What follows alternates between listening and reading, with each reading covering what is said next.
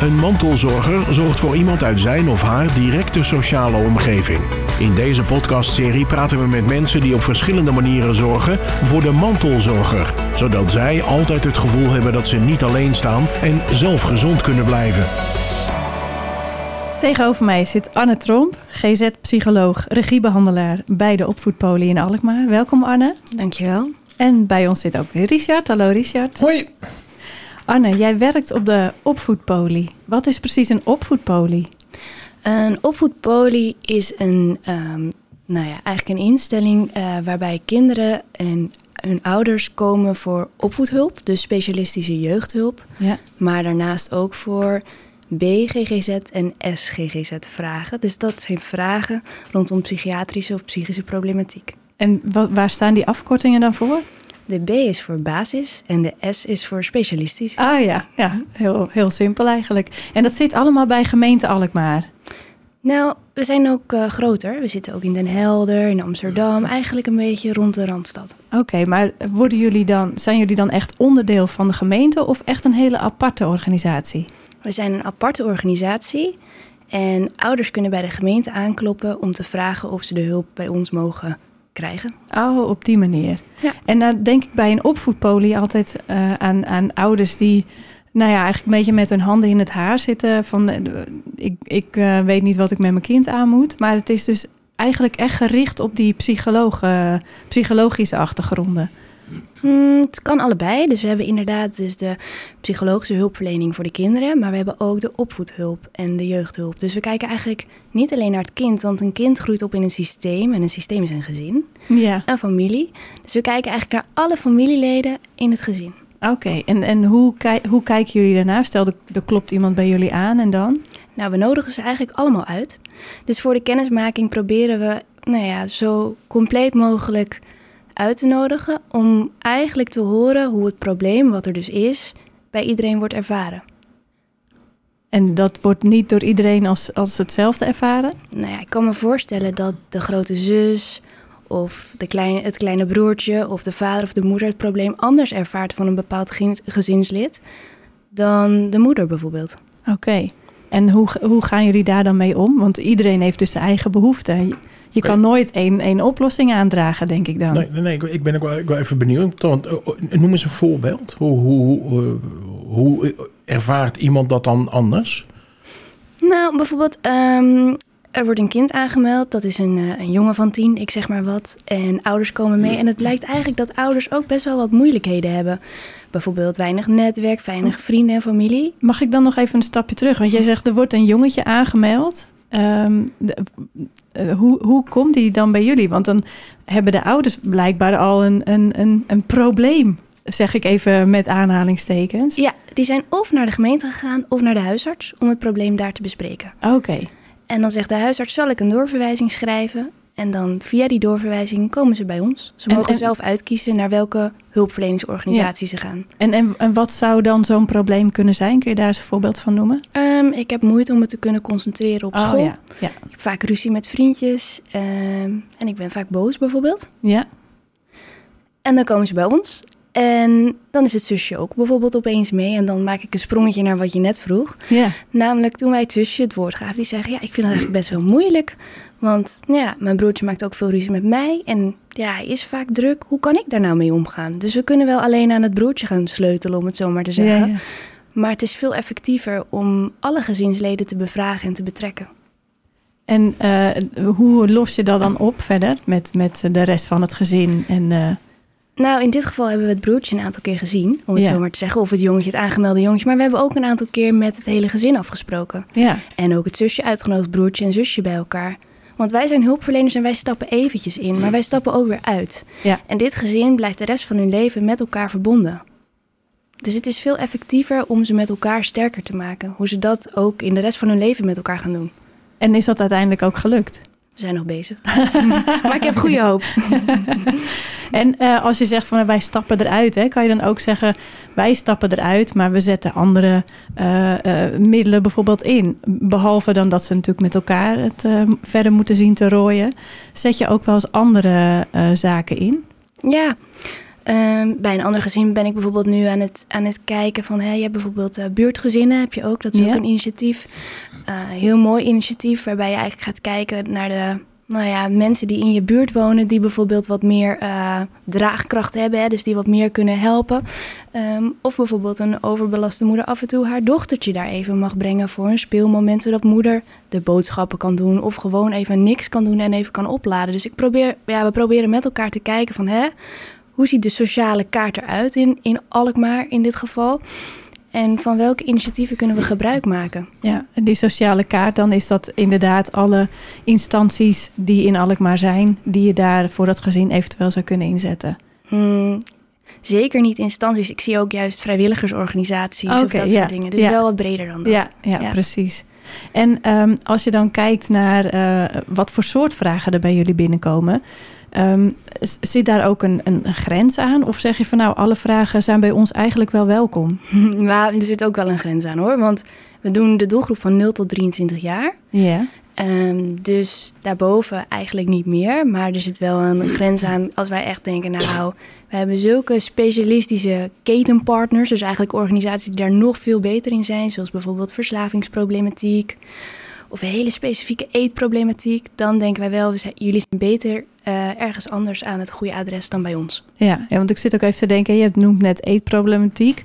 Eh, een, een, een veelgehoord probleem van ouders is denk ik, mijn kind wil niet mee eten met wat ik hem voorschotel.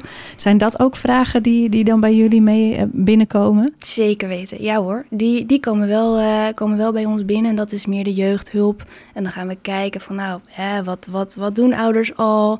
Wat is de situatie? Hoe kunnen we instappen en hoe kunnen we helpen? Dat zijn wel ja, vragen die wij regelmatig binnenkrijgen. Wat zullen jullie druk hebben met pubers? Ja, Jazeker, ja. Heb je dat, eh, eh, komt dat ook wel eens voor dat je dan iets binnenkrijgt waarvan je achteraf denkt, ja, eigenlijk is dit gewoon een beetje pubergedrag. Oké, het is wat groter puber dan, dan, dan gemiddeld, maar dit is eigenlijk gewoon pubergedrag.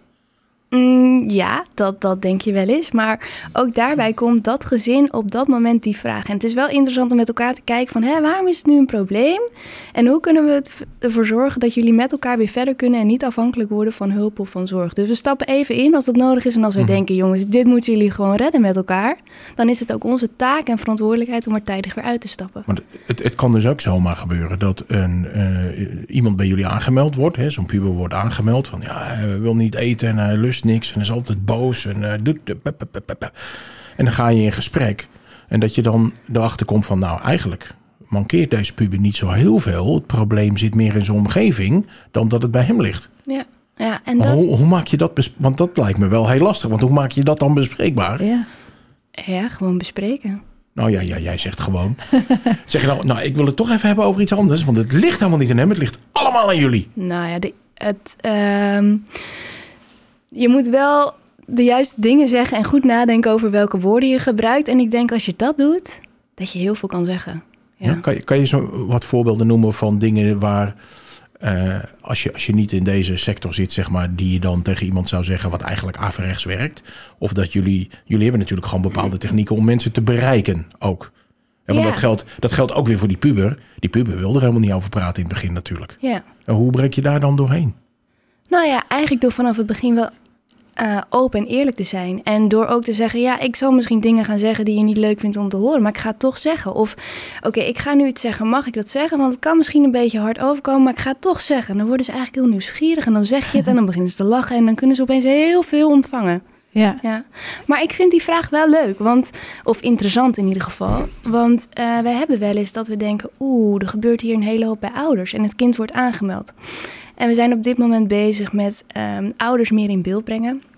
Familiepolie, om te kijken hoe, of we de zorg die ouders hebben, of we die ook misschien bij ons kunnen oppakken. Dus dan zijn we aan het kijken van, hè, los van alle financiële en andere stromen die we moeten organiseren, kunnen we misschien een paar oudergesprekken voeren ook, om te kijken wat speelt er bij deze moeder of bij deze vader dat die zo doet zoals die doet.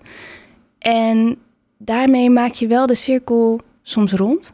En ja, kun je eigenlijk met een aantal gesprekken af. Of je neemt echt die vader of die moeder echt in behandeling. En is dat eigenlijk heel efficiënt, merken wij. En is dat al anders dan wat jullie nu doen? Ehm. eh, ik hoor je net ook zeggen dat jullie ook vaak met de ouders in gesprek gaan, ook al is het kind aangemeld. Wat is er dan zo anders aan die familiegesprekken?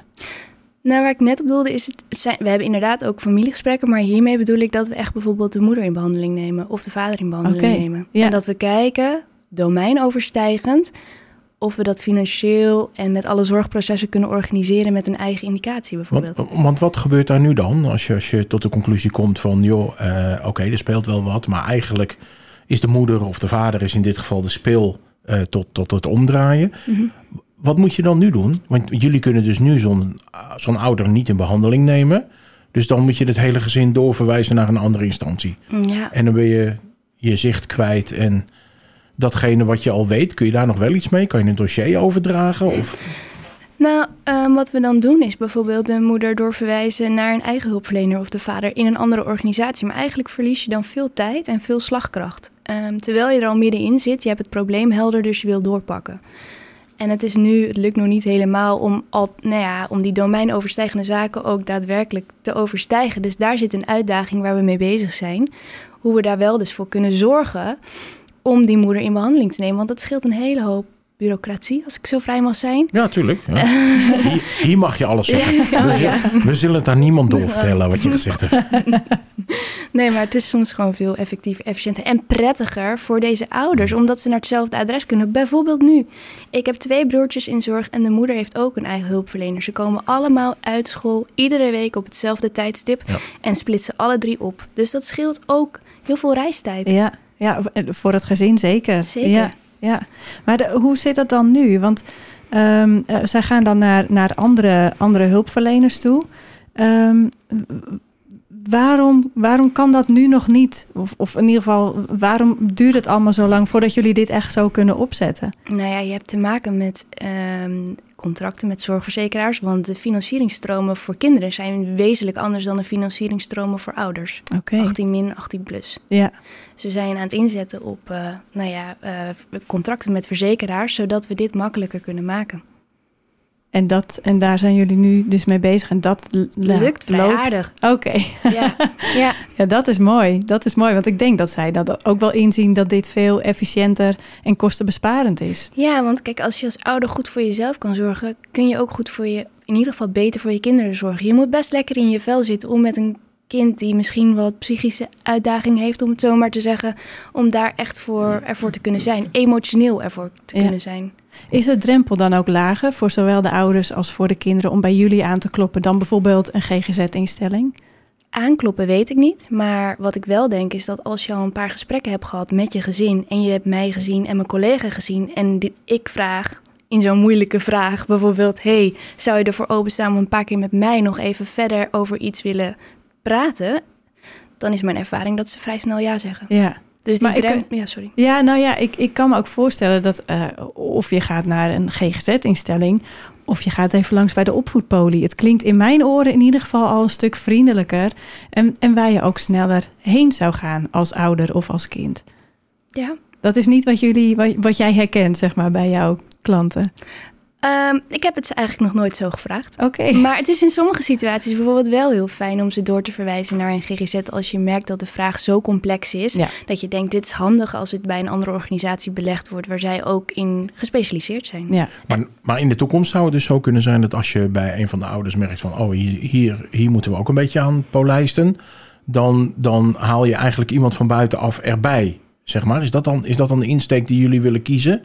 Omdat je zegt van, ja, nu kunnen, we, nu- kunnen we daar niks mee, moeten we doorverwijzen. Maar in de toekomst willen we dat wel doen. Willen jullie daar zelf dan mensen voor op gaan leiden? Of willen jullie dan die, die, eh, die kennis van buiten halen? Ehm, nou, ik denk zeker dat we bijvoorbeeld op sommige onderdelen onze kennis nog wat bij moeten spijkeren. Maar we hebben ook al heel veel in huis. Klinische psychologen, psychotherapeuten, GZ-psychologen. En die zijn eigenlijk nou, vooral in dezelfde behandelmethodieken geschoold. EMDR, eh, traumaverwerking, eh, CGT. En of je dat nou doet bij de ene aanbieder of bij de andere aanbieder. Maar we moeten daar wel goed naar kijken. Maar Oké, nou, dan, ga ik, dan ga ik nu dat spel eens met jou spelen. Hè? Zo van, ik ga iets zeggen. Dat klinkt misschien niet zo aardig, maar ik ga het toch zeggen. zeg Weet maar. je? Ja, kom. Is dat niet gewoon jagen op omzet dan? Ehm, zo zou je het kunnen zien, maar ik sta achter een goede behandelinzet die efficiënt is voor ouders en waar ze goed gebruik van kunnen maken op het moment dat het voor hun passeert. Dus ja, misschien is dat iets wat erbij komt kijken, maar ik bekijk het van de behandelinhoud. En daar sta ik echt helemaal achter. Ik zie het aan je, ja. ja. ja, ja. Nou ja, je, je, je, je, je ogen flonkeren als je het zegt. Dus eh, ja, dat, Dat, dan geloven wij het ook. Ja. Ja. soms. En is het nu ook een methode om, want in de GGZ zijn natuurlijk ellenlange wachtlijsten, om, om wat druk bij de GGZ vandaan te halen? Mm, nou, s- s- eh, ja, dan zouden jullie echt met, met de organisatie eh eh opvoedpolie moeten spreken. Ik bekijk het echt vanuit de poli en ook maar Ja. de ouders die ik zit. Ik zit veel te veel in het werk en Ja. kijk bij de gezinnen, wat kom ik tegen? En ik denk, oh, deze moeder heeft het hier moeilijk mee, kom maar. Want ik wil niet dat het ook van generatie op generatie wordt doorgegeven. Ja. Als ik dat dan op dat moment kan pareren, of in ieder geval erover kan hebben, ja, dan scheelt dat een hoop. Dus dat Ja. is hoe ik het zie. Maar als je je werk toch goed doet, word je werkloos, hè? Dan heeft niemand jullie meer nodig. Nou, Nederland is heel groot, hè? En deze gemeente ook, volgens mij. Maar ik kan me wel voorstellen, dat, dat zal jij zelf ook zien, dat mensen zeggen, nou, ik, ik sta hier zo lang al op de wachtlijst, ik wil nu geholpen worden. Dan wend ik me tot de opvoedpolie. Ja. Ja, nou, ja en, en ik heb een ander belang, namelijk dat het goed gaat met de kinderen die bij mij in zorg zijn. En ik wil dat die kinderen een moeder of een vader hebben die emotioneel voor hen beschikbaar is. Ja. Dus dat is hoe ik kijk. Want het gaat goed met de kinderen als het ook goed gaat met de ouders. Ja, precies. En is het dan zo dat als er iets eh, aan de hand is met het kind, dat er dan eigenlijk ook altijd wel iets aan de hand is met een van de ouders? Of misschien allebei? Nee, nou, buiten dat het hun hoogstwaarschijnlijk raakt en dat, Ja. het, dat, dat, het, dat het moeilijk is om te zien, is dat niet altijd zo. Er zijn ook echt kindfactoren, kinderen die echt, ehm, nou ja, eh, eh, ontwikkelingsstoornissen hebben, et cetera. Dus dat hoeft niet altijd. Nee. Maar er is wel een grote erfelijke component van psychiatrische problematiek. Zien jullie al iets van corona? En dan bedoel ik natuurlijk niet eh, te hoesten en zo. Maar ik bedoel, eh, dit, dit drukt natuurlijk ook wel een stempel. Het is best lastig, want niks mag. Terwijl, terwijl heel veel kinderen zitten in een leeftijd waarbij juist zoveel mogelijk vriendjes. En, en zien jullie daar al iets van? Hebben jullie daar al. Ja, zeker. Veel aanmeldingen ehm, en ja, op zoek naar het nieuwe normaal en daarbij horende uitdagingen. Ouders die belast zijn met, een, met, met werken en voor de kinderen zorgen, thuis eh, het allemaal goed willen Mm. doen. En kinderen die ook graag gezien willen worden, eh, moeite hebben met het, met het ontwikkelen van hun identiteit. Want ze zitten op een plek die niet vraagt om daar hun identiteit te ontwikkelen, namelijk thuis op een kamer of bij hun ouders Precies. beneden. Ja, ja. Ik weet niet waar jij dat vroeger hebt gedaan, maar ook niet thuis, denk Nou, ik. ik denk niet dat het geschikt is voor uitzending. maar eh, ik had daar een redelijke vrijheid in, laat ik het zo zeggen. Ja, Ja. ja, ja. ja. En, en Ja. wat geven jullie die kinderen of misschien ook wel die ouders mee dan, die, die in zo'n situatie zitten? Ja, dat is lastig. Er is niet één antwoord voor. We kijken naar, naar hoe komt dit gezin binnen, waar, li- waar liggen de vragen en hoe kunnen zij met elkaar ervoor gaan zorgen dat ze in een iets gezondere situatie zitten. Ook al is het hartstikke ongezond waar we nu met elkaar allemaal in zitten. Ja, ja. En eh, heb je geen voorbeeld van, van gezinnen waarbij je dus dacht van, oh ja, dit is echt waar ze ook iets praktisch mee kunnen? Ja, wel. Ehm, advies om lekker naar buiten te gaan, leuke dingen te gaan doen. ehm, en toch te kijken hoe er in een veilige vorm contact met leeftijdsgenoten vormgegeven kan worden. Ja, ja. En, Vo- en sorry. Ja, ja, hoe, hoe, hoe kijk je dan nu naar het nieuws, bijvoorbeeld? Maar ik moet eerlijk zeggen dat ik het zo droevig vind dat ik het soms ook gewoon allemaal niet bekijk. En dat ik, Ja. ja. ja, dat, ik dat zelf ook een beetje aan het vermijden ben. Ja, ja het is bijzonder is dat, hè? Ja. Ja, maar dan, dat zie je op zich natuurlijk bij steeds meer mensen. Van Ja. ja, ja. Het is, eh, en, en, dan, en dan komt er bij jou natuurlijk nog een stukje beroepsdeformatie bij kijken. En dat is, ja, ja, ja, ja, dat kan me zo voorstellen dat jij anders in de supermarkt loopt dan ik. Ik bedoel, eh, sowieso als ouder vind je altijd wel iets van andere ouders die iets met kinderen doen in winkels en zo. zo. Maar voor, voor jou gaat dat helemaal eh, heel ver, denk ik, of niet? Nou, mijn peuter ligt ook in het gangpad hoor, af en toe. Dus- Dus maan je geen illusies. Dus je loopt niet op mensen af in de supermarkt. Hé, hey, ik kan je misschien wel helpen. Nee, nee. Ik loop zo snel mogelijk, omdat ik denk, niemand heeft mij toch gezien dat ik ook een kind heb. Oh, die ook ja, ja, af en toe ja. dingen doet die ik heel moeilijk vind. Ja, ja. Misschien ook wel goed juist, hè, om te laten zien dat dat ook gewoon normaal is. Mhm, We ja. hoeven niet allemaal perfecte kinderen te hebben. Nee. Ja, maar, en dan hoor je erachteraan te zeggen, maar je krijgt er ook heel veel van. dat, dat, dat is, is, is heel belangrijk. Ja. Dat is ook zo. En, en ehm, eh, als je kijkt naar, eh, naar de gezinnen die jij, die jij op gesprek hebt, hè, sp- nou, springt er dan eentje bovenuit dat je denkt van, oh ja, dit vond ik zo bijzonder, zo fijn om daarbij te mogen helpen of, of dat ik die een kant op heb gewezen. Of, of de andere kant op. Of de andere kant op, kan Inderdaad, een natuurlijk ook. gezin dat je niet, dat je gewoon, dat je er geen grip op krijgt. En dat je echt denkt van, oh, hoe kan ik hier nou? Hmm. Ja, zeker. Die zijn er wel. Ehm, ja, ik, maar ik heb ook bijvoorbeeld een gezin waarbij ik er wel helemaal achter sta dat we en de moeder en het broertje en het andere broertje in zorg hebben. En dat die allemaal tegelijkertijd komen, dat is iets van een mooie vorm van zorg waar ik, ja, waar ik gewoon ontzettend blij van word. Ja. En waarin we hele mooie therapieën hebben gegeven die goed aanslaan. En dat vind ik gewoon ja, heel mooi om te zien. En dan, en dan zijn die glimoogjes er weer. Ja, precies. Ja, ja, ja. En hoe werkt dat dan met, met, met het gezin onderling? Hoe, hoe gaat dat van, als je zegt vanaf het begin, hè, ze komen bij jou binnen. En, en, en nu, de fase waarin ze nu zitten. Nou, we zitten er nog middenin. Ja, Ehm, ja, dus, dus wat we doen is, we zijn eh, bezig met, met behandeling, maar we maken wel echt wat stappen. Er gaan echt wel wel dingen beter thuis. Het is, het is rustiger, emoties kunnen beter gereguleerd worden. Moeder weet beter vanuit haar, gesprekken, hoe, eh, vanuit haar gesprekken hoe zij kan reageren op de kinderen.